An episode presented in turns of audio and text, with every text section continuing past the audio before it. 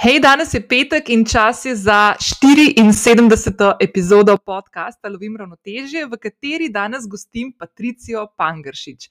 Patricija je osebna trenerka, diplomirana pedagoginja in podjetnica, ki svojo osebno in poslovno znamko Fit Academia uspešno gradi tudi skozi uporabo družbenih omrežij. V današnji epizodi se pogovarjava o njeni poti, postavljanju strasti do športa v center življenja in o tem, kako je svojo ljubezen do športa upela v podjetniško zgodbo, s katero danes številnim pomaga vzpostavljati ne le zdrav odnos do športa, ampak tudi do uravnotežene prehrane in boljšega počutja. Če tudi ti razmišljaš, kako bi v svoj vsakdan vključila več gibanja, se nalezla zdravih navad. Potem je ta epizoda zate. Patricija mi je v pogovoru dala tudi na svet, ki mi bo prišel prav, ko se bom lotila enega od ciljev za to leto. Um, no, več pa v tej epizodi. Podpornik današnje epizode in pogovora s Patricijo Pangršič je Adidas. V teh dneh je tudi na slovenskih tleh predstavil novo različico svojega ikoničnega copata Ultra Boost 21, ki ponuja vrhunsko ravnotežje blaženja, teže in odzivnosti. Drzno oblikovan model predstavlja Adidasovo zavezo, da med ljudi vnese več energije za pozitivne spremembe in osvajanje novih ciljev. V teh dneh, ko epidemija še vedno vpliva na vsak naš korak, je gibanje še toliko bolj pomembno. In če se spomniš, sem v 60. epizodi tega podcasta, ko smo se pogovarjali z Miho Rekarjem, ki je med drugim strastni tekač, sem omenila, da si v letu 2021 želim oblikovati nek hobi, kateremu bi se vsakodnevno vračala z veseljem. In priznam, da že celo življenje s spoštovanjem opazujem vse ljubiteljske tekače, ki tečejo mimo mene, ko se vsakodnevno sprehajam po mojih najljubših ljubljanskih poteh in kar malo neušljivo jih opazujem, kako jih, no, vsaj večina v teku tudi resnično uživa. Nekajkrat sem poskušala tudi jaz s tekom, ampak me enostavno ni potegnilo in verjetno sem tudi prehitro obupala. Morda pa mi bodo ravno novi Ultra Boost 21 dali tisti potrebni push, da poskusim znova in mimo grede, Miha je tudi že ob tem obveščen in že čakam, da mi pošlje kakšen SMS v bilom na prvi tek. Novi Ultra Boost 21 je najnaprednejši tekaški copat, ki je oblikovan na glavnih elementih originalnega Ultra Boost modela in je dodatno plemeniten kar s šestimi odstotki več pene Boost kot njegov lanski predhodnik, kar omogoča najboljše možno blaženje in podporo med tekom. Poleg tega Adidas z novim copatom krepi tudi svojo zavezo k trajnosti, saj je zgornji del copata narejen iz visoko zmogljivega recikliranega materiala Preamble ki vsebuje najmanj 50 odstotkov reciklirane oceanske plastike Parley. S predstavitvijo novega copata Ultra Boost 21 je Adidas svojo kampanjo vključil spodbujanje ljudi, da moderno tehnologijo, ob kateri zadnje mesece preživimo še več časa kot sicer, zamenjamo z navadami, ki so dobre za naše psihofizično počutje. Če me poslušaš že dalj časa, potem veš, da sem nenehno v iskanju rutin, ki moje življenje dopolnjujejo, me spodbujajo, da sem vsak dan kanček boljši od prejšnjega in mi pomagajo vzdrževati pozitiven in optimističen pogled na sebe in na svet, ki me obdaja. Zato bom na strani sl.ultraboost21.com oddala svojo zavezo, da bom vsak dan manj časa namenila skrolanju po TikToku in Instagramu in se raje posvetila prvim tekaškim korakom. S tem se bom pridružila tudi Patriciji, ki je ena od Adidasovih vplivnic in bo v tem času s svojimi predlogi svojim sledilcem pomagala vzpostaviti bolj zdrave navade. Spodaj v opisu te epizode te že čaka povezava, kjer lahko svojo zavezo oddaš tudi ti. Z oddajo pa se boš vključila v krasno nagradno igro. In kdo ve, morda boš v novih ultrabusticah 21 v živahni beli in fluorescentno rumeni barvi letos tekla tudi ti. Če še nisi prijavljena na podcast Lovim ravnotežje, te vabim, da to storiš zdaj prek aplikacije, na kateri trenutno poslušaš to epizodo. Vedno sem vesela tudi ocen in mnen, ki mi jih postiš na aplikaciji, ali pa se mi lahko oglasiš na zasebno sporočilo. Najraje vidim, da to narediš na Instagramu, kjer se ti bom najhitreje javila nazaj. S prijavo vdajo ocene in mnenja na aplikaciji, pri kateri poslušaš podcast, pomagaš, da zanj slišijo tudi te podobne ženske in. Moški, moram posebej povedati in pozdraviti vse moške poslušalce, ker dobivam ogromno sporočil, da vas je vedno več med poslušalci, uh, tako da vam maham in uh, vam sporočam, da za enkrat in tudi v prihodnje, mislim, da bo tako ostalo, da bom nagovarjala v ženskem spolu, zato ker je ženskih poslušalk še vedno več kot 85 odstotkov, ampak jaz tako ful verjamem, da vas to ne bo preveč motilo. Uh, tudi tokrat lahko spodaj v opisu najdeš povezavo do zapisa epizode, kjer te čakajo še dodatne povezave, ki sem jih danes omenila v tej epizodi in prek katerih lahko spremljaš Patricijo tudi v prihodnje. Spodaj je tudi še posebna povezava do mini strani uh, Adidasa, kjer lahko svojo zavezo, da boš uh, v prihodnjih uh, dneh, tednih, mesecih več časa namenila gibanju in vzpostavitvi nekih zdravih navad, in s tem zamenjala mogoče preveč posedanja za računalnikom, telefonom, uh, Netflixom in tako naprej. Lahko dejansko dobiš tudi kakšno fino nagrado, naprimer, ene nove, copate, Ultra Boost 21. Evo, to je to, zdaj pa je čas, da skočiva v današnjo epizodo in se spoznava s Patricijo. Čau, Patricija, kako si? Ja, živijo, evo, super, ca, bo, preddopustniška. No, e, jaz sem full vesela, da smo se uspeli ujeti. Moram reči, da uh, prvič nekoga tudi vidim, ker uh, ravno preden sem uh, se s tabo preklopila na ta sistem, prek katerega snemam podcaste, sem ugotovila, da je neki update na ta platforma in zdaj se lahko tudi vidva. Ja, ali je to še bolj fajn? Se mi zdi, da nimaš fal feelinga, da sem sam sebi govoriš. Ne, da best, da best, full dobro. Tako da, hej, full hvala, da si si vzela čas. Vem, da si tik pred tem, da šibaš na počitnice zaslužene, tako da full, full hvala. Evo, da bom vprašala, uh, mogoče bo to celo povezan s tem, kar se ti dogaja, da boš šla v kakšne lepe kraje. Uh, kaj se ti kaj lepega zgodilo v zadnjih dnevih, da ti je tako res polepšal trenutke, dneve, te čudne v tem obdobju, čudnem, ki ga živimo? Huh, meni se je pa zdaj, se mi zdi, v zadnjem času toliko enih lepih stvari zgodil, da enostavno sploh ne vem, kje bi lahko začela govoriti. To je eno, toliko lepih stvari, da se moraš že prav uščipati, a je to sploh res. Um, ne vem, prvo bi tako menila Fit Academy, um, moj pač online projekt, um, zato ker je enostavno vse se je odvil. Tako, kot se jaz niti v sanjah nisem mislila, da se bo, punce so noro, noro aktivne, pridno trenirajo, pridno jejo, rezultati se že kažejo, v glavnem res fenomenalno. Tako, srce mi ob takih, ne vem, takih dosežkih, drugih, kar zaigrano, res se mi zdi, da me to najbolj nafila z neko pozitivno energijo in z vsem skupaj. Pol, um, pol so itak tudi lepe stvari na področju, recimo, še malo bolj privatnega življenja. Um, z mojim so zdaj v zadnjem času sprejela kar tako, no, ene par takih pomembnih odločitev, ki nam bo, bodo verjetno čisto spremenile življenje niso to še otroci, da ne bo, ker je to pa vsi mislijo, nisem pa še nisva. No. Um, tako da v bistvu kaj več o tem bomo pa daj drugič povedali. Bo v kakšnem drugem podkastu o tem spregovorili. Ko sem se smejala, zdaj, ko si rekla, niso otroci, ki tudi sigurno te ne bo vprašala o takih stvarih, ko se mi zdi tako, a veš, čisto deno. ja, no, sam pač, jaz, meni se zdi, da ko kar kaj spregovoriš na to temo, so vsi tako, o, a si noseča in tako, ne, pač ne bi to ja, na tak ja. način povedala, ne. Boste že izvedeli vse v svojem času. Okay, dej, zdaj si tako že na par takih stvari omenila, ki te jih hočem tudi jaz, pa sem si nekako dala, tako da te bom danes vprašala uh, po tej poslovni poti, pa fit akademiji, pa koliko časa traja, pa tako, kako to poteka. Ampak da je mogoče tako en korak nazaj. Uh, sej jaz verjamem, da tebe veliko ljudi pozna, ampak mogoče tako, če bi se zdaj mogla opisati, kdo je Patricija, pa kako je, to, kako je tvoje življenje potekalo, da je prišlo do tega danes, ne, ne samo, da si ti pred tem, da greš na počitnice, ampak tudi tako, da imaš fit akademijo, pa da si s partnerjem se združila, ne samo v zasebni zvezi, ampak tudi poslovno. Kako je to potekalo? Uf, a imamo toliko časa. Mama, koliko hočeš časa imamo? ok, super. Evo, um, v bistvu, ki bom začela, čist pred tem, stara sem 26 let, se mi zdi, evo, nekih takih par osnovnih podatkov za tiste, ki me res mogoče še ne poznajo, ali pa tudi mogoče za tiste, ki me. In marsikoga dejansko preseneti to, da sem stara komi 26, glede na to, da ja, za mano je že kar konkretno ne vem, veliko stvari, no, tako se mi zdi, da smo že kar veliko stvari dosegali, pa ajde, jih že še veliko bomo. Um, tako da, evo, stara sem 26 let, prihajam iz okolice, v bistvu Ljubljane. Sem pa samo sebe pa bolj štejem po srcu kot primorko in pa štajerko, definitivno ne kot osrednje slovenko, pa nič narobe s tem, ampak enostavno, ne vem, po duši sem čista primorka, ker obožujem poletje, obožujem obalo, obožujem morje, meni je to nekaj najlepšega, tako da tudi evo, poletje mi je tisti najlepši čas v letu. Um, štajerka pa zato, ker imam že 11 let štajerca. Um, tako da v bistvu evo, sem pa jaz, ker rečem, pa primorka, pa štajerka, čeprav prihajam iz v bistvu čisto natančno kamnika. No. Um, zdaj, kako je nekako vse skupaj meni potekalo? Jaz nekako prihajam iz precej športne družine. No? Um, ne tako, kako koli profesionalno, ampak enostavno, ne vem, šport je bil, se mi zdi, od nekdaj že z mano. Vem, jaz sem kot desetletna deklica zadnjo in hodila na čisto vse hokejske tekme, na vse košarkarske tekme. Jaz sem bila v prvi vrsti povsod, kjer je bilo možen. Um, res sama sem tudi trenirala vse, vse možno, od košarke, plesala sem hip-hop.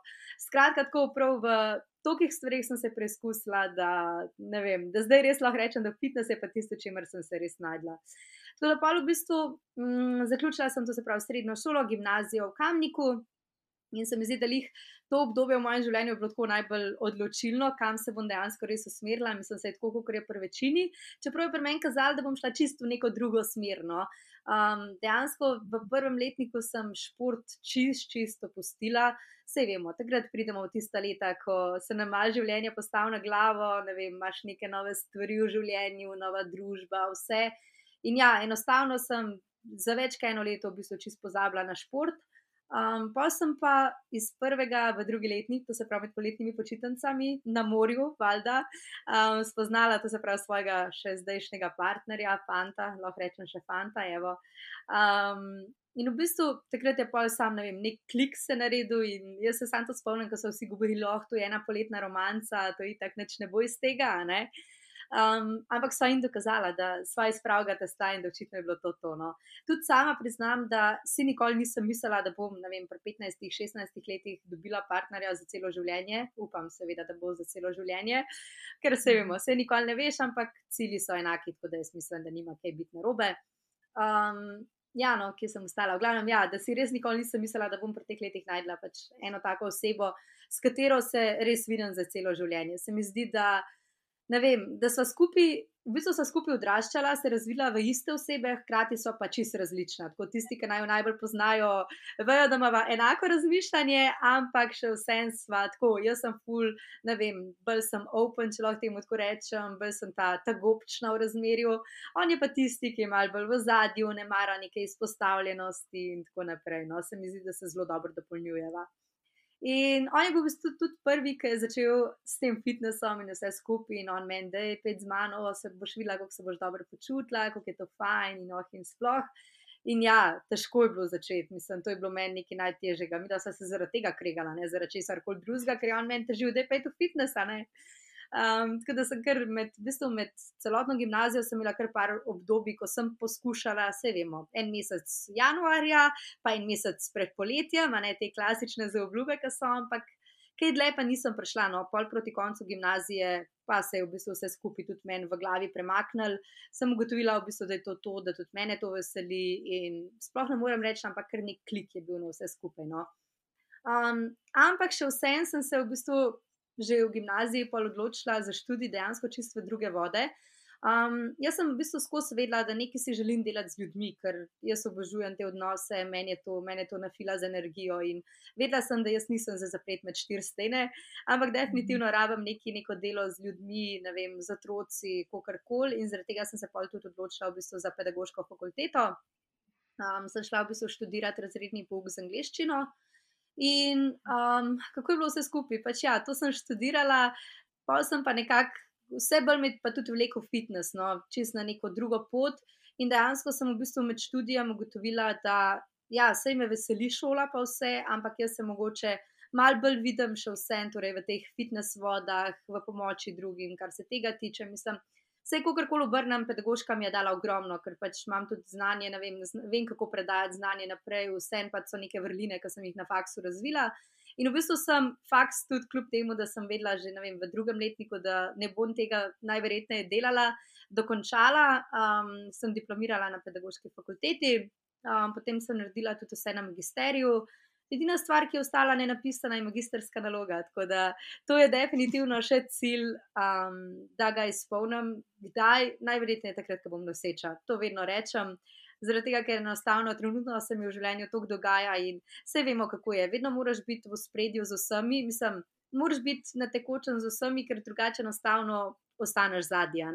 In res, glede na moj tempo življenja, glede na vse, kar pač delava, se enostavno zdaj le ne moremo vzeti, ne vem, pol leta, da, dam vse to na stranski tir in pišem magistersko. Magisterska definitivno bo napisana, ker sem tudi jaz tak človek, da ko nekaj se odločim, to definitivno naredim. Vedno pri vseh stvarih sem bila taka. Mhm.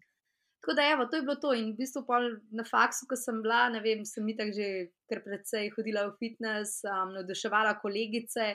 In takrat je fulrato popularen Instagram, vse to, Facebook, page in to. In vse so mi govorile, pa da je Patricija, zakaj si ti nekaj ne narediš, da boš, vem, mal. Šerala vse skupaj, kar ti počneš z ostalimi, ker če nas to motiviraš, valjda boš tudi ostale pol. In v bistvu se je tako začelo vse skupaj, naredila Facebook page, um, delila gor, v bistvu tiste čist neke klasične stvari, kaj jaz jem, kaj kaj počenjam. In kar lahko rečem, je to očitno sem bila ljudem zanimiva, no? ker ne vem, se je pa vse mhm. skupaj tako spontano odvil, da enostavno smo zdaj tam, kjer smo. No? Tako da, evo, to je Patricija, tako v mhm. petih minutah. Kdaj, si, kdaj se je priključila tudi uh, licenca za osebno trenerko? Uf, to pa že na faksu, to pa mislim, Aha. da je zdaj že kar konkretno let nazaj. Um, mhm. Zelo iskreno, res ne vem iz glave točne letnice, ampak so to že leta, leta nazaj. No. Se pravi, si takrat že začela, ko si še študirala za razredni pouk, si rekla za angliščino, si takrat že razmišljala zelo konkretno tudi o tem, da greš mm, bolj mm, ja. zakorakati v šport. Ja, v bistvu takrat sem bila že tako odločena, da me to najbolj veseli. Nisem pa sicer še vedela, na kakšen način bi se vse skupaj pač vklopila, ker vsem se vemo, to področje. Mogoče bo takrat še malo manj razvito, danes je tega res, se mi zdi, tok na trgu že, da enostavno je še toliko teže priti v spredje. Um, ampak ja, vse težko je bilo tudi takrat, ne se dejansko vedno je težko, moraš najti nek način in pa biti ljudem zanimiv, konc koncev, ne ljudi privlači energija, če jim tvoja energija vem, ni všeč, si ti lahko še najboljši trener, pa enostavno neki ne gre česa. Ne. Tako da v bistvu, jaz sem mhm. se že na faksu pol čist podala v te vode zaradi tega, ker v bistvu licenco sem šla delati primarno, najprej ne zaradi tega, ker sem želela na njej upravljati osebna trenerstva, ampak v bistvu bolj zaradi tega, ker sva z mojim prišla na idejo, kaj je nama manjkalo, ko so bila midva na začetku, to se pravi, ko so se podala v fitness, kaj je mhm. tista stvar, ki je midva nisva imela. In jaz, kot pač mlada punca, ne vem, 20-letna punca, sem bila tako, meni so manjkali neki vodiči, nekaj, kar bi bilo enostavno za prebrati, enostavno za razumeti, en vodič, no, in da bi bile noter razložene vaje, tako po domače, um, kakšni video posnetki, tako vse zbrano na enem mestu, ker vse vemo, ti napišeš na internet. Mm. Kaj je najboljše jesti po treningu, pa dobiš 50 različnih idej. Zdaj pa kako boš ti kot nek začetnik sploh vedel, kaj je prav, kaj ni prav. In jaz sem v bistvu um, takrat pač, ja, moj je dejansko prvi v besedu to idejo, oziroma rekel, le, kaj pa če bi šla nekaj v, v to smer. In v bistvu so pa res rekla, ok, ja, greva v to smer, bova mi dva um, razmislila, torej, kaj, mislim, kaj je nama točno takrat manjkalo. Bova to napisala, izhajala iz najnih izkušenj, izhajala iz literature in seveda pač nekako je fino, da imaš potem tudi res, kljub temu, da se vemo, da se skoraj največ naučiš iz nekih osebnih izkušenj. Um, je bilo fajn, seveda, da imaš tudi v zadju znanje, kljub temu, da pač jaz sem bila na tem področju že takrat ful, ful močna, ker enostavno sem cele popoldneve na mest za šolo prebirala uh, druge članke, no, bolj profesionalne članke, kar se tiče torej, um, vse človeškega telesa in podobno, mišic in to je to. Mm. Tako da, ja, takrat je že padla nojeva odločitev, da gremo v te vode, potem pa v bistvu osebno trenerstvo pa nekako. Ker je prišlo z roko v roki s tem, to se pravi z e-knjigami, um, punce so me začutile, videle so, da ja, to nam je manjkalo, um, Mislim, res odziv je bil ful takrat že fenomenalen in pol enostavno, vse vemo. Ja, Patricija, imaš pa ti tudi možnost osebnega trenerstva in ko se je v bistvu tako razvijal, da sem na koncu v bistvu na faksu že brkane skozi delala. No. Ja, se sem bila na faksu, tisto, kar je bilo obvezno, ampak je bilo hkrati šlo z roko v roki v bistvu z delom že. No. Mm.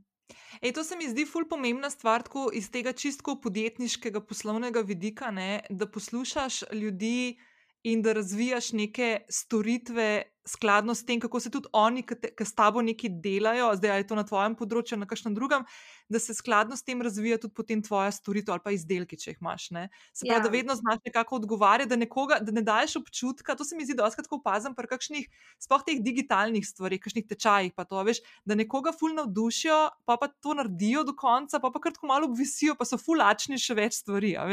In se mi mhm. zdi ful fajn, če imaš tako nekako um, narejen. Pa tako, kot vidim pri tebi, kar se mi zdi tako sicer super, da best in tako je tudi pri meni, da delaš ko zelo ne da bi zdaj neke hude strategije delala, ampak zelo poslušaš tudi sebe, svojo intuicijo, notranji glas. Ne, in tako nekako organsko razvijaš neko to svojo, svojo pot podjetniško. In, ja.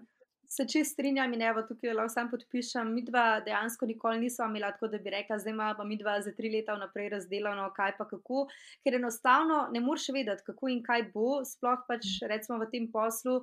Um, mislim, se verjamem, da je veliko sporednic tudi pač in s svojim poslom in z marsikaterim drugim. Ti se prilagajaš po tem trgu, ti se prilagajaš zahtevam torej ljudi, vidiš, kaj oni rabijo, vidiš, kaj potrebujejo. Um, in evo, če smo želeli pri tem, lahko še eno tako majhno stvar zaupam. Lih med Fit Akademijo je dejansko padla ideja za naslednji projekt, um, zaradi tega, ker so punce imele neko debato in jaz sem bila tako. Wow, kako hudo, evo, točno to bomo naredili. In nisem niti komentirala, niti nič, in zdaj imamo v planu, da se to zrealizira. Jaz upam, marca, april, da bo tudi zrealizirano.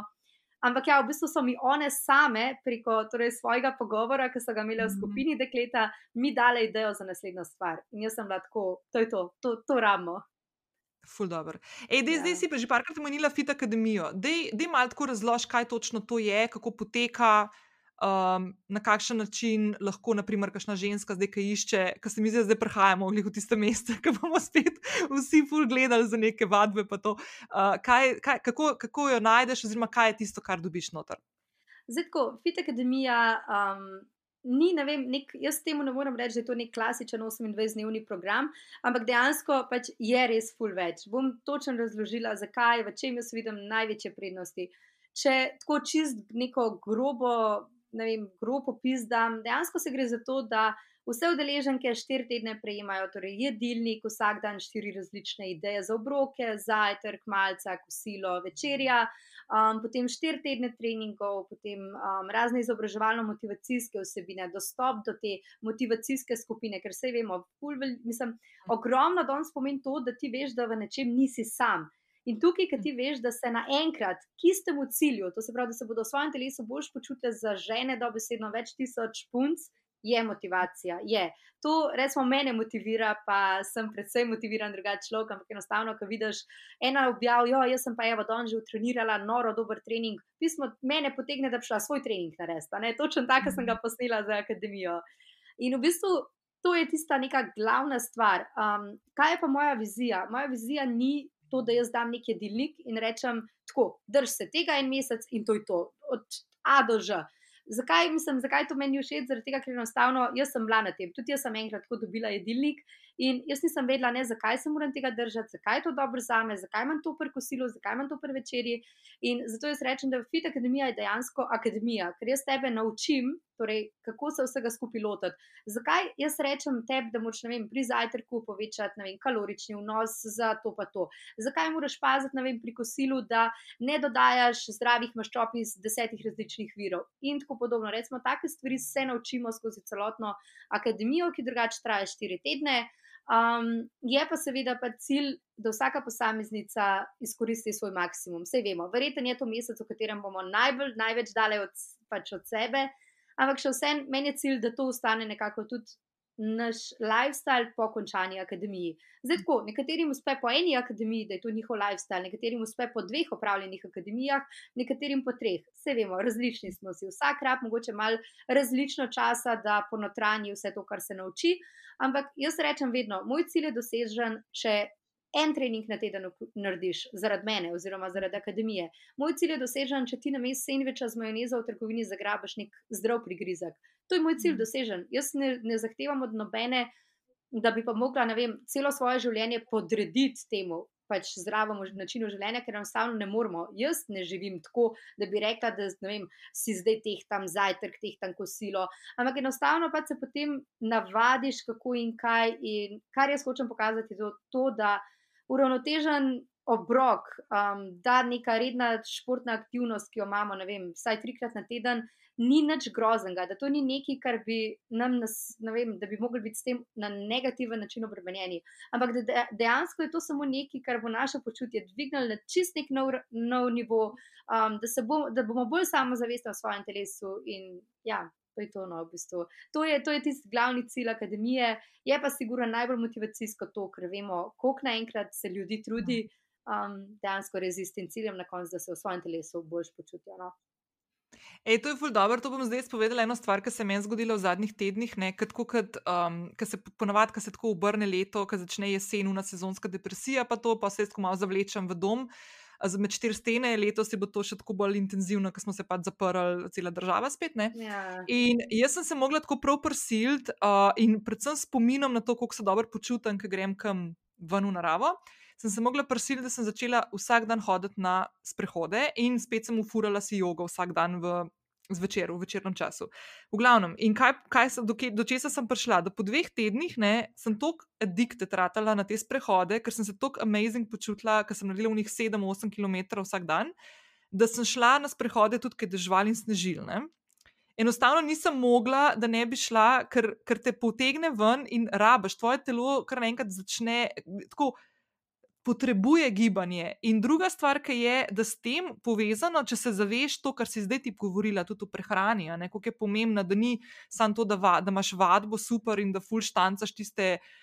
Tiste vadbe, ki jih imaš, yeah. ampak ja. da dejansko pač tudi prehrano uskladiš in urediš in imaš uravnoteženo, da dejansko tvoje telo spoh, začne kar malo že zavračati neko hrano, ki, ki ni dobra, ne, ki ni dobra za tem da v ja. bistvu pele v to smer, da greš na mest po sendvič z majonezo, kot si rekla v trgovini, ne? da mogoče vzameš kaj, kaj božga. Ne? Tako da to se mi zdi ful the best. Dej, veš, kaj sem te hotela še, še vprašati. Zdaj, le, tako ful se pogovarjava o tem, ful mi je dobro to, da pač ja, družba in komunity je tisto, ki te potegne noter, da nisi ti un slekar, ki zadnji. Ne, nisi več na redu, in ne, ja, valjda, ne, da lahko sodeluješ pri debatah, ki se pa razvijajo. Tako. Ampak ena stvar, ki je tle ful, ful pomembna, je tudi to, pa si zdaj že parkrat tudi omenila, je motivacija. Ne. Ja. Zdaj mislim, da vsem to ful pade. Ne?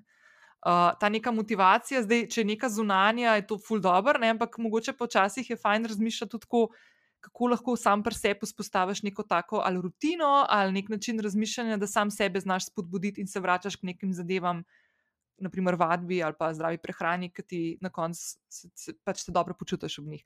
A si ti pri sebi ali pa tako prek svojih, naprimer, teh vadečih uh, članic in članov na Fit Academy opazila kakšne take stvari, kaj je ponavadi tisto, kar jim najbolj pomaga, poleg tega, da so skupaj, pa da dihajo za nek skupen cilj.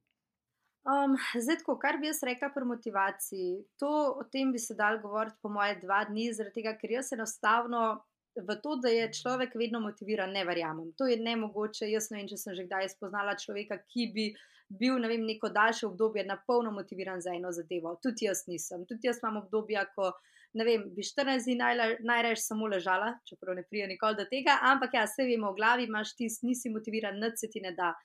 In kaj je tukaj najboljše? Vedno je moj na svetu. Dej si čas, dej zadihaj. Takrat, ko recimo, vem, res pride kakšen dan, dva, Um, to recimo jaz se učim v akademiji, lih ta zdrav odnos do in telovadbe in prehrane in vsega skupaj. Nič ni narobe, če ti dva dni odležiš na kavču, nič ni narobe, če zvečer poješ pico.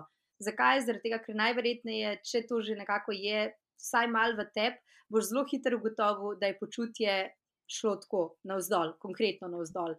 Um, in enostavno pač takrat se moramo nekako potem zbrcati, če lahko tako rečem, veriti in reči, dosti je tega. Ampak ja, zdaj kako si bomo pa to rekli, tukaj le, tako kot smo že rekli pri akademiji, res fajn, ker je skupina motivacijska, ker mal poskrolaš po Facebooku in ja, vidiš te komentarje, vidiš, kako so druge pridne in enostavno se ti zdi, da ti pa nekaj ne delaš. Mhm. In kaj je še tista stvar, ki se meni zdi, da najbolj ohranja motivacijo, je pa ta, da redno spremljamo svoj napredek. Kar jaz sigurno najbolj priporočam, je to, da na začetku, vem, ko se nečesa lotimo, pa tudi če ne vem, upeljamo v naš vsak dan samo vem, kakšen zdrav obrok. Tudi če upeljamo, kot si ti rekla, samo sprehode, ajde se to ne moramo reči, samo sprehode, že to je ogromno um, da naredimo, vem, da se malo pofotkamo, da naredimo meritve obsegov in potem spremljamo čez čas, kaj se dogaja. Ker se vemo, ženske smo ponovadi kar precej obremenjene s tehtenco in se nam zdi, oj, te kilogrami, kako koli. Ampak jaz bi najraje šel sem, ne samo ženskam, ampak jaz bi najraje tehtence kar vrgla nekam stran, ker enostavno tehnica ni popolnoma nobeno merilo. Um, dve osebi z enakim številom kilogramov lahko izgledata popolnoma drugače. Naprimer, jaz, ki sem začela trenirati, sem imela kot 53-54 kg. To in sem zgledala, sploh mislim, škoda je besed, res je veliko, veliko slabše, veliko slabše počutje, počutje um, je bilo in vse. Zdaj imam pa recimo, ok, zdaj sem malo skušala zaradi vseh živcev, zaradi akademije in vsega skupaj, ampak če gledam, ne vem, par mesecev nazaj sem imela 64 kg, zdaj jih imam 60. Um, no, glavno sem imela 64 kg, ampak moja postava ni niti mal primerljiva s tistim, kar je bilo, torej, ne vem, par let nazaj. Torej, tukaj se res vidi, da tehnika ni nobeno merilo. In zato jaz vsem dekletom priporočam, da pač spremljajo svojo postavo s tem, da se slikajo, da delajo meritve obsegov. Ker enostavno, ko se nam zdi, vem, da se nikamor ne premaknemo, ker seveda sami sebe gledamo vsak dan, napredka ne opazimo, mhm. takrat enostavno naredimo meritve in seveda pač pogledamo potem, ali se premikamo v pravo smer, ali se ne premikamo, ampak kolikor seveda smo pridni pri prehrani, kolikor telovadimo, sigurno se premikamo nekam.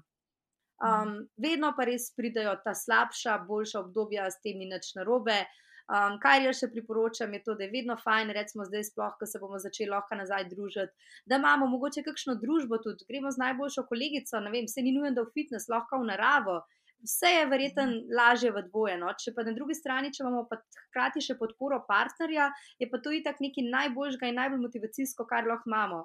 Mislim, meni se zdi, ne vem, mi dva sva oba v tem totalno fit načinu življenja. In jaz vem, da jaz iskreno nikoli ne bi mogla imeti verjeten partnerja, ki ni. Kar se tiče mhm. razmišljanja, približno na enakem nivoju kot, kot jaz, ker enostavno oba sva vem, v svojem telesu zadovoljna, to pa seveda se pol kaže na vseh področjih življenja. Če se ti v svojem telesu dobro počutiš, si veliko boljši, veliko bolj samozavesten tudi pri vseh ostalih zadevah, pri vseh projektih, in pa konec koncev tudi v posli, to nas pa pol motivira za naprej, pa smo, smo bolj polne energije, ne, vse to je pa logičen. Ful dobro. Okay, lej, zdaj si omenila tudi to, uh, se pravi, če sem te prav razumela, vsi, ki so člani Fit Akademije, imajo potem možnost, da v zaprti Facebook skupini klepetajo, komunicirajo, se podpirajo in tako naprej. Uh, tukaj zdaj malo trčva v te, ta družabna omrežja. Uh, ti si v bistvu zelo, zelo velik poudarek, oziroma kako ne rečem, ne velik poudarek, ampak zelo močno skupnost si zgradila na družabnih omrežjih. Ne? In v bistvu tvoja podjetniška zgodba, če lahko temu tako rečemo, eh, zelo temelji tudi na tem, kako tebe ljudje spremljajo, prepoznajo, ti zaupajo. Uh, tvoja osebna in podjetniška znamka zaradi tega zaupanja je tudi uspešna. Uh, da mi povej, kako ti gledaš na ta, na, ta, um, na ta svet, oziroma kaj so tiste stvari, mogoče, ki jih tako opaziš, Um, ali pa mogoče tukaj neki miti, ki se, se tako dogajajo tudi na družabnih omrežjih, pa, pa, pa se ti zdi tako, da bi bilo fajn, da še ga se razbije od teh. Stvari, ja, zdaj tako. Mislim, tega je jaz, za, za eno tono, ne govoriti. Ja, spet, ja, tega, tega je spet eno tono, ker jaz, mogoče, moje razmišljanje, kar se tiče tudi omrežij, se ne vem, mogoče marsikdo ne misli, da ima tako razmišljanje, marsikdo mogoče misli tudi, da ja, ona itak preživi tri četrt časa samo na Instagramu, Facebooku, um, zato ji tudi tako uspeva, ampak dejansko ni tako. Um, lih tisti ljudje, se mi zdi, ki smo tako najbolj zaposleni, na koncu dneva najmanj časa namenimo tej. Ne vem, a se to reče pasivni uporabi Instagrama. Naprimer, jaz ne vem, če skrolam tri minute na dan. Vse ostalo, kar je, objavim kakšno fotko, naredim stoji in potem enostavno zaprem Instagram. Um, kako pa jaz gledam na vse skupaj? Zdaj, tako, moramo se zavedati, da mislim, Instagram, Facebook, ja, to so vsa omrežja, moramo se zavedati, da tudi jutri, recimo, lahko že ostanemo brez tega. Um, sploh recimo mi, ne vem, nekako ja, je naš zaslužek, konc koncev, odvisen tudi od vsega tega. Moramo valjda imeti v mislih vedno tudi, ne vem, kaj pa bomo, če tega ne bo. Ne? Um, mi, sigurno, pač delamo tudi na tem, da imamo mailing baze in vse take stvari, da dejansko pač veš, da svoj pos, tvoj posel še vedno lahko naprej nekako živi. Ampak, ok, pustva to, kar zdaj sploh zdaj, ker bo to zgodb o teh uh, ukradenih profilih, pa vse, da kar mene zbrzi, kaj če bi se to zgodilo.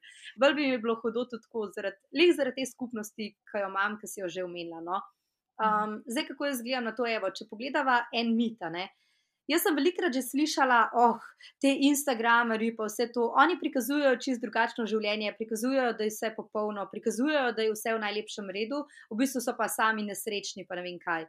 Jaz se s tem čist ne strinjam. Ne bom rekla, ja, mogoče kdo res to prikazuje sam. Meni se zdi osebno, da se zelo, zelo hitro začuti, kdo je odkrit, kdo je iskren, pa kdo je dejansko mogoče, ne vem, ne to vedno, kar se vem, prikazuje ker ne vem, vse ljudje hitro začutimo en drugega. No, se mi zdi, da jaz vedno, če naletim na kakšen tak story, sem tako.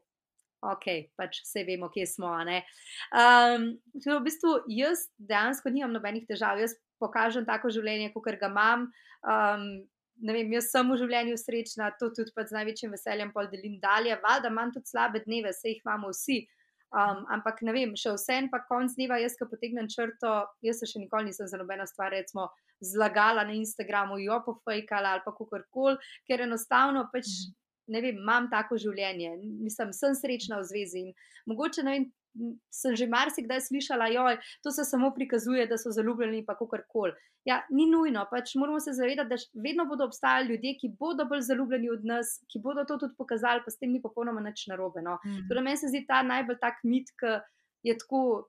Ne vem, malo narobe vse skupaj. No. Pač ni vedno tako, da prikazujemo neko fake življenje ali kako koli. Um, potem, ne, pogosto. Aha, ja. sorry, kar povej. Ne, kar, kar, kar povej, kar povej, da je replika. Ja, veš, kaj sem ti hotela reči, ker se mi zdi to tako ful pomembno, ker jaz sem tudi zelo, zelo imela tako, um, boh nek dej, da mi je kdaj kakšen kdo rekel, kakšna vplivnica, pa to, ker sem kar tako mal me kar zmrazil.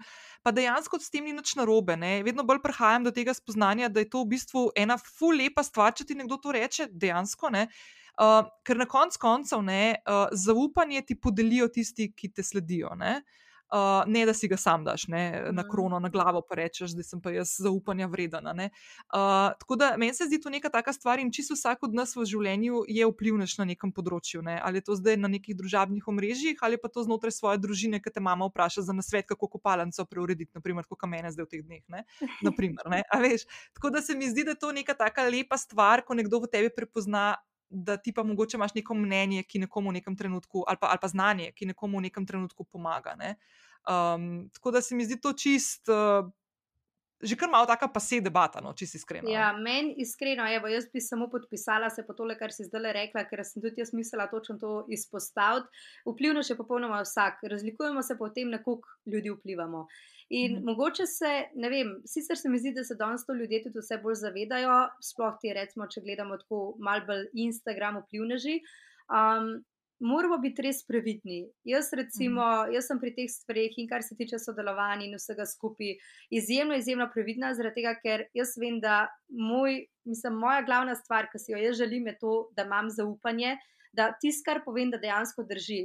In definitivno ni denarja, kot sem že zavrnila, marsikatero stvar, ki bi mi konc dneva napolnila denarnico, ampak mhm. jaz se samo oseb ne bi dobro počutila, če bi nekaj povedala o tej stvari. Um, ne vem, da bi nekaj mhm. pohvalila, če to ni bilo vredno moje pohvale. Zato recimo mhm. jaz tudi ful pri sodelovanjih res gledam na to, da imam neko konstantno, oziroma neko, neko, v bistvu neke, neke naročnike, ki so stalni. Te naročnike, s katerimi sem jaz res sama zadovoljna, naročnike, od katerih bi jaz izdelke že tako ali tako kupila. Zdaj pa, mm. ok, če sem pa za to nekakšne pač nagrajena ali kako koli, da to še delim z drugimi, pač super, ampak meni v prvem. Najbolj pomembno mi je to, da pač sem jaz tista, ki sem zadovoljna s tem. Moramo pa itak se zavedati, da mogoče, ne vem, krema, ki je meni za obraz fenomenalna, nekomu drugemu ne bo. Vse vemo, kože so različne, kako koli. In včasih, um, valjda se bo zgodilo, da mogoče pa nekdo drug s tvojim priporočilom ne bo bil zadovoljen. Mhm. Ampak se mi zdi, da tukaj smo ljudje odrasli, da se tega tudi zavedamo. Um, bi pa res tukaj, ne vem, verjamem, da naj bodo tudi marsikateri vplivneži poslušali. Jaz bi res dala to na prvo mesto, da bodimo iskreni. Ker enostavno na dolgi rok se mi zdi, da lahko delamo samo, če smo iskreni, če smo to, kar smo. To je moj nasvet. Ker ne mhm. moramo fejkati konstantno nečesa, kar sploh nismo. In pa evo, še mhm. ena stvar, ki smo pri iskrenosti. Zdaj ne vem, če si opazila ali ne. Jaz sem ena izmed tistih, ki mogoče tudi um, definitivno ni pristaš Instagram povezovanja, če lahko temu tako rečem. Um, jaz imam nek svoj krok ljudi. In jaz nikoli se ne bi ne vem, z nekom družila, samo zato, da okay, on bo zdaj mene objavil, jaz bom njega objavila in zdaj bo to ful dobro za oba dva, ker bo oba dobila sledilce. Itd. Ne, pač to pri meni pije vode. Jaz zaradi mene, ne vem, pač ne morem, ne morem, to nisem jaz. Jaz dejansko res imam nek rok ljudi, ki so bolj ne vsi, razen ok, imam teh neki par, ki so tudi znani, kot ne vem, Mina Serbus, Nika Krmac, ki so, ampak v prvi vrsti oni meni niso. Instagram vplivno že, oni so moji kolegi. Zdaj pa, če mi še kakšen story, kdaj naredimo, je pa to zato, ker se imamo mi fajn. Ne zaradi tega, da bi rekel, zdaj bomo imela pa jaz koristil tebe, Aha. pa ti od mene. Ne vem, pač ja. meni, recimo, pri Instagramu, mene izjemno boli to, ker kokrat vidim komentarje, slik od ene, druge punce, jo je lepotička, to uno, tretje. A do mene pridajo take stvari, ki jih sploh slišiš, točen, ker sem tako, ne, ne, ne, mene to sploh ne zanima. Pa mi je vse jasno, da v zadju ni taka zgodba. Ne? Tudi jaz vedno pravim, pač, um, se ne rečem, vse se tudi kdaj pač izoblikuje kakšno mogoče prijateljstvo, ki se je začelo na Instagramu, z kakšnega fotoshootinga ali pa karkoli. Mhm. Ampak načeloma, ne vem, jaz res nisem neki full pristaš tega. Nasilnega Instagram povezovanja. No? Se mi zdi, da sem kar malo tukaj letan sama. No? Tako, tako nekako se mi zdi, sploh v zadnjem času, da to vidim. No? E, zdaj, ko si začela o tem govoriti, ko še tole moram povedati, kar si rekla, ker smo že bili pri iskrenosti, sem si mislila, da si začela govoriti, rekel, sploh ne vem, o čem zdaj govoriš. Pa, pa tako, a ja, uno, ško sploh, ker tudi jaz to čisto iskreno sploh nisem pomislila. Plus, ti pa moram povedati, da.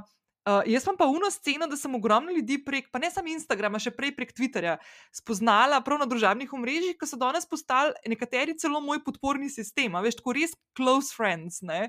In mi je tako čisto fascinantno, pa kdo vpraša, kako se pa vidi spoznale, pa tako šite na Instagramu. Ja. Veš, pa ne, sej jaz. Noro, ne? Ja, ja, ne se jaz, um, meni je to vse pravim. Tudi, recimo, kakšno moje prijateljstvo se je začelo prek tega, ampak.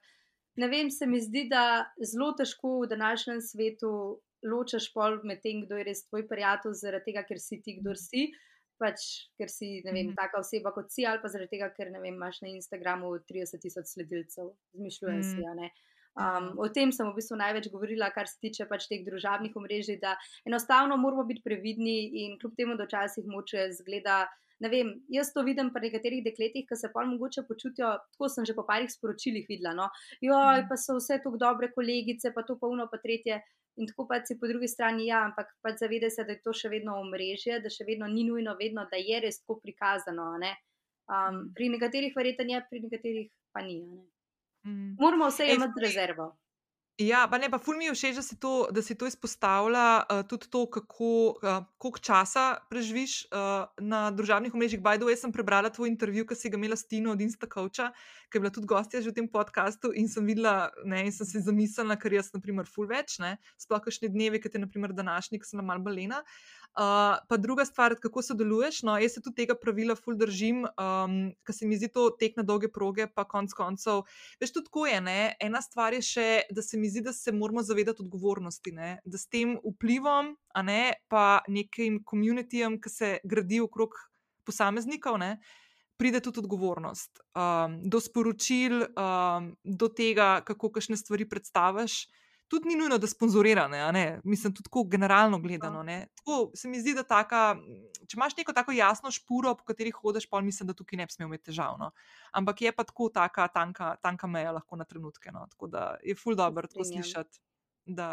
Ej, zdaj si tako uh, omenila no, uh, ene par takih zadev, spet ne, ker bom zdaj se mal navezala še na eno stvar, uh, ki je tudi povezana zdaj tudi z najnim pogovorom.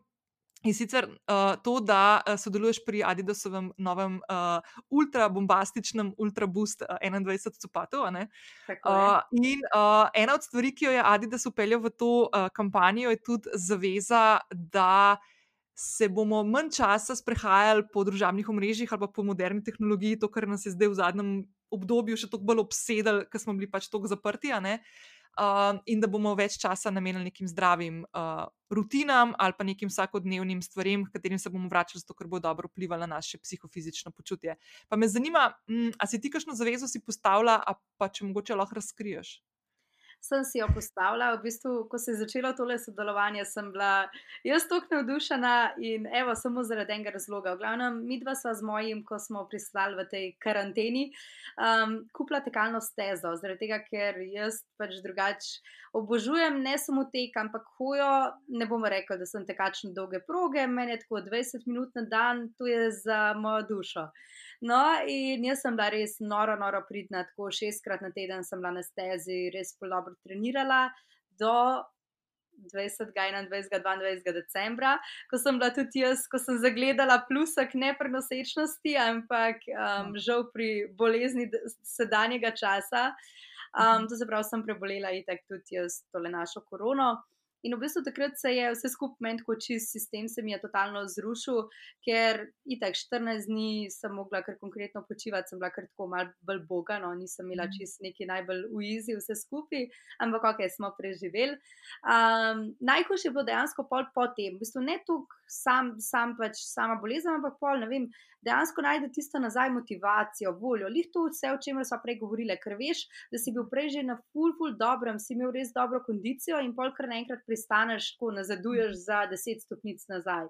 Mhm. Potem je pa prišla še akademija, dejansko posvečanje časa akademiji in ja, nisem si vzela niti malo časa zase.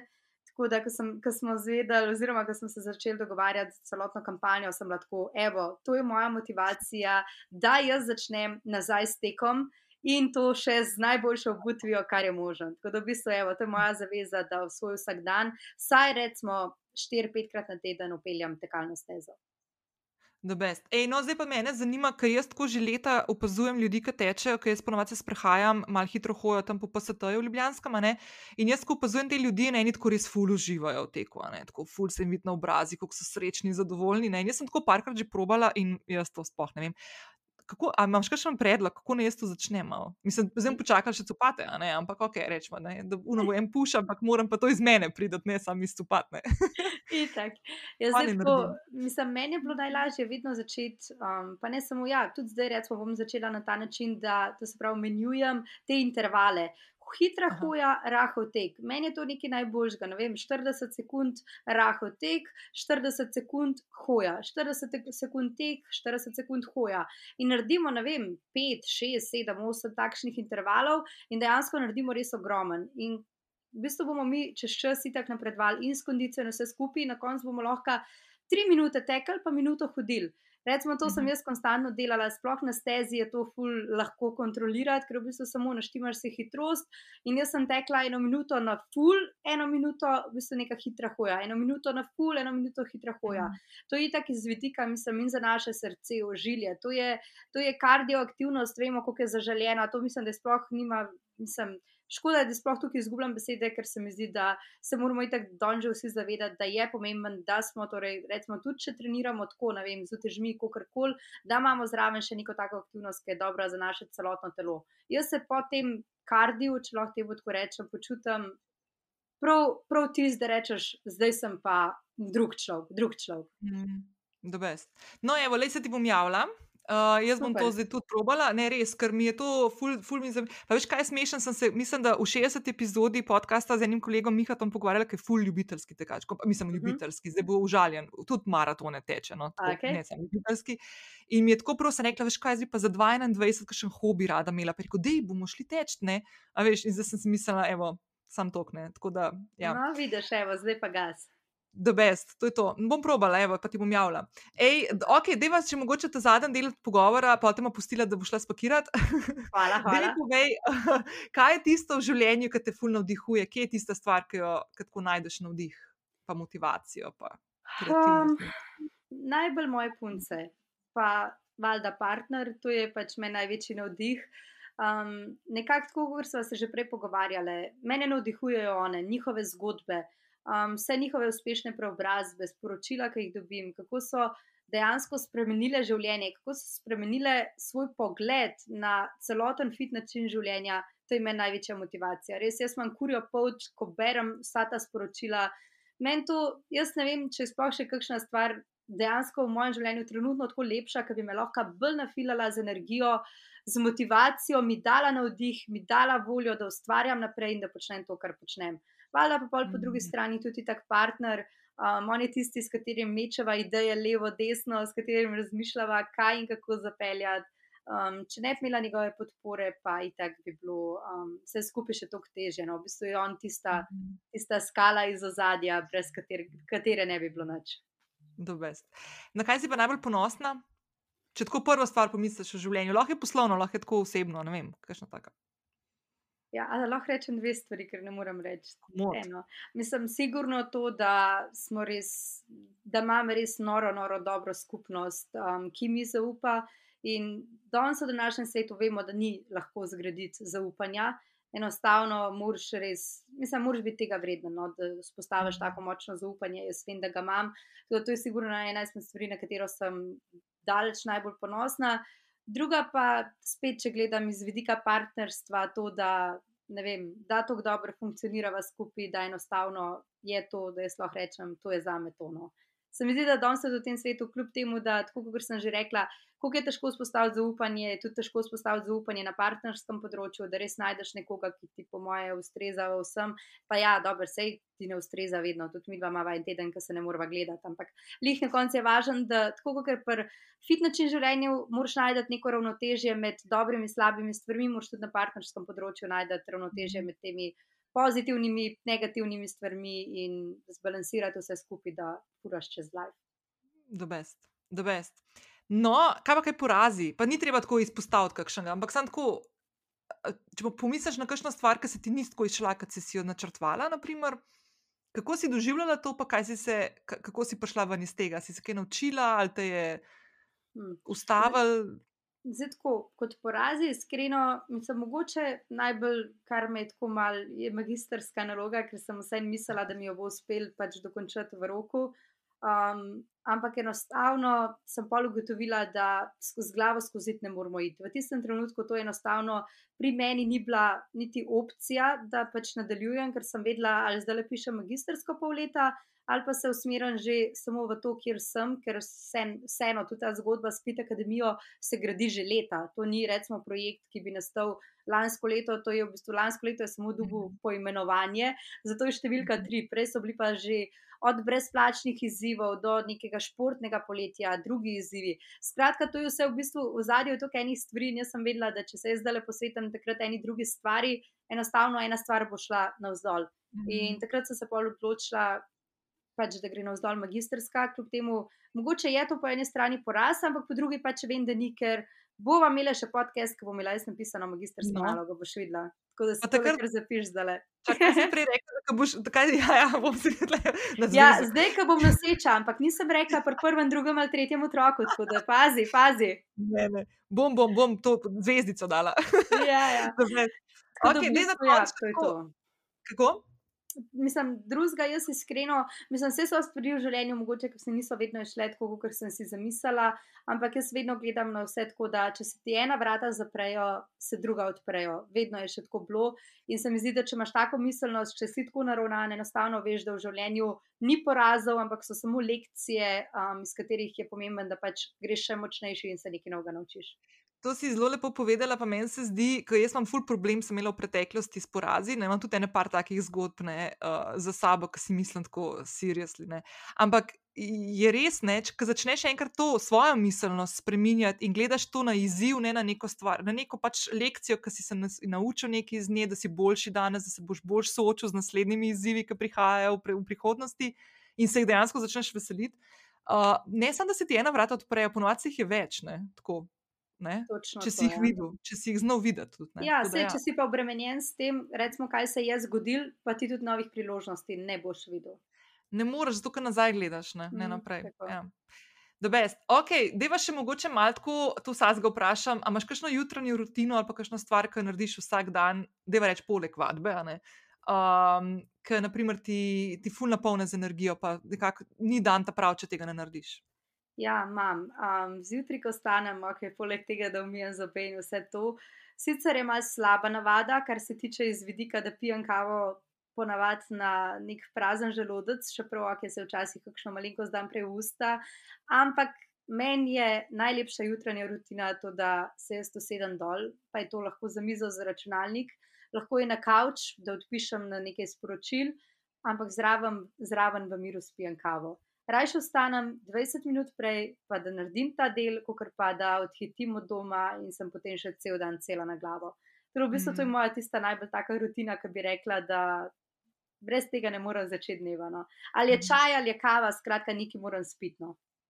Da, best. Um, da mi povej, uh, še kakšno, tako, če te vprašam, tvoja najljubša knjiga ali pa serija, film, podcast, če jih poslušaš, kaj tasga kaj, kaj bi kaj tako izpostavljal? Um, moram reči, da iskreno si sama ful premalo časa vzamem. Tudi za te stvari, ki me veselijo, torej knjige, jaz obožujem knjige. Um, zdaj, kot hajava na dopust, imam s sabo pet knjig, tako da te knjige okay. bodo prebrane v devetih dneh. Um, Ponavadi na avionu za tja preberem eno knjigo, ker sem res jaz požiran knjige. Ampak žal si vzamem čas samo takrat, um, ko grem na dopust. To se pravi polet, julija, ponovadi, ko sem nekje na Hrvaškem in pa tako le februarja, kakšen dober teden.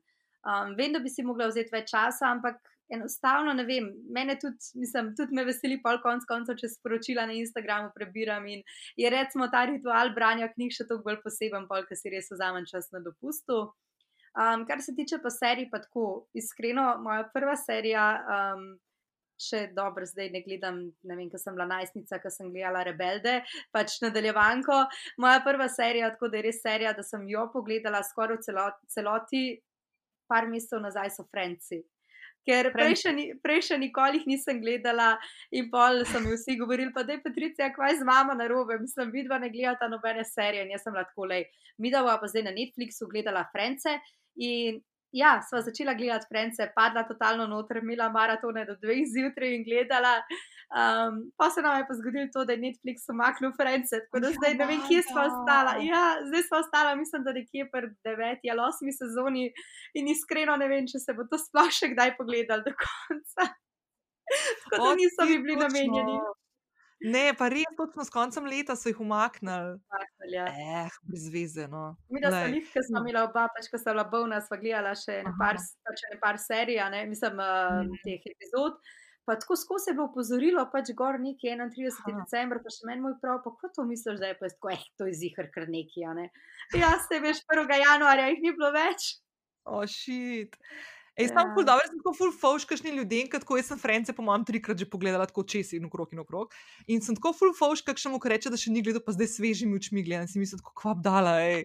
To je tako kakšno knjigo, ki prebereš, pa si misliš, kako bi šlo še enkrat to brati, da- ne vem, kaj se zgodi. a veš, Ja, ja, točen to, evo. No, se tako No. sem pa jaz pri mojih knjigah, ker kar se pa knjig tiče, sem pa totalno mahnjena na erotične romane. Ja, to je, to je moja, mislim, to je moj odklop. No. Čeprav zdaj imam tudi eno ful dobro knjigo s sabo, se sigurno poznaš, ne vem, mislim, da je revni očka, bogati ali nekaj Aha, takega. ja, ja, ja. O, to Ne vem, to je toliko toliko sem pohval slišala, da sem rekla, jaz to A. moram prebrati in evo, to je knjiga za na avion.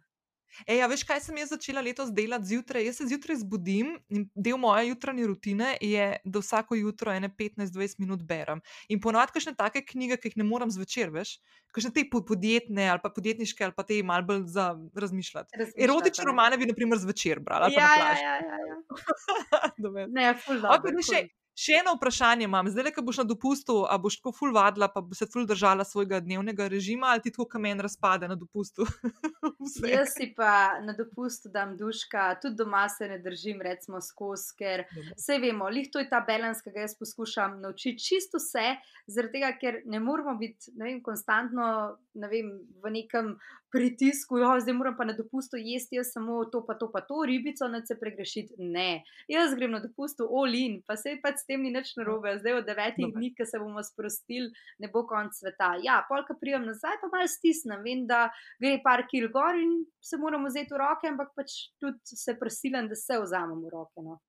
Da best. Ful dobr. To je to, kar jaz skozi govorim, da ravnoteže ne boš v življenju nikoli ujel, razen za par minut ali pa še en dan, in je treba uživati v tem, kako ga Tako. loviš in na poti in se imeti fajn. Tako da ja. evo, Je podpišem. Patricija, lej, jaz sem ful vesela, da smo se ujeli, uh, da se prvič z nekom, ki se pogovarjam za podcast, tudi vidim. Uh, skozi ekran, tako da ful dobro, da so odprli to sezono. Uh, pa ful ti želim, da imate lepe počitnice, da se napolnite z energijo in pridete nazaj in rasturate še bolj. Najlepša hvala, hvala za povabilo. Meni so teli podcasti, tako zakon sem že bila prisotna tudi na neki not, tako da mi je. Re, res mi je, se mi zdi neka taka, sploh če se sogovornikom začutiš, kar mi dve, mislim, da definitivno sva se. V Definitivno. glavnem, hvala za povabilo, mila sem se full fajn, upam, da smo vsi kaj novega odnesli. Tako da, to je to.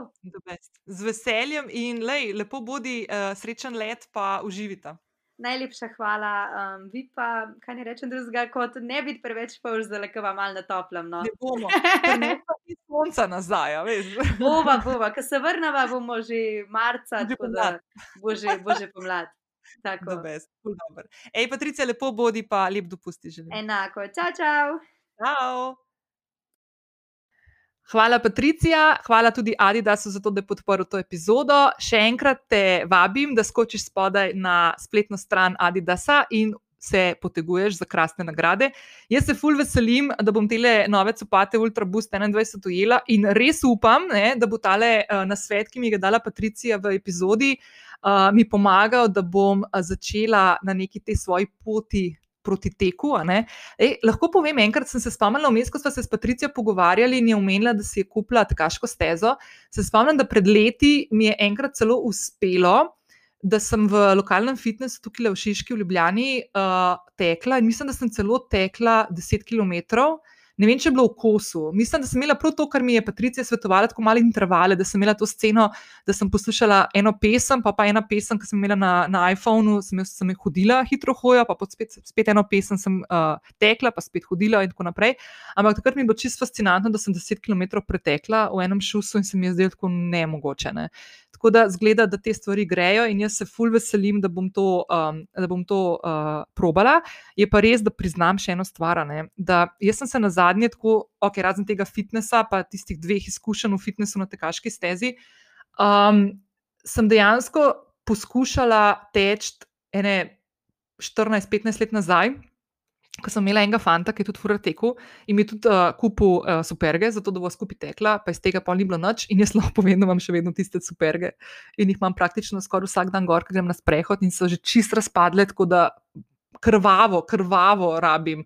Ene nove copate in tale Ultra Boost 21 je prišel kot naročeno. Uh, tako da, evo, to je to. Uh, hvala, da si ostala uh, do konca. Uh, Patrici, hvala in upam, da živa uh, že na dopustu, še za vse nas. Uh, lepo se mej, en lep vikend in tako kot vedno se slišiva naslednji teden, uh, v petek, tukaj na vseh aplikacijah.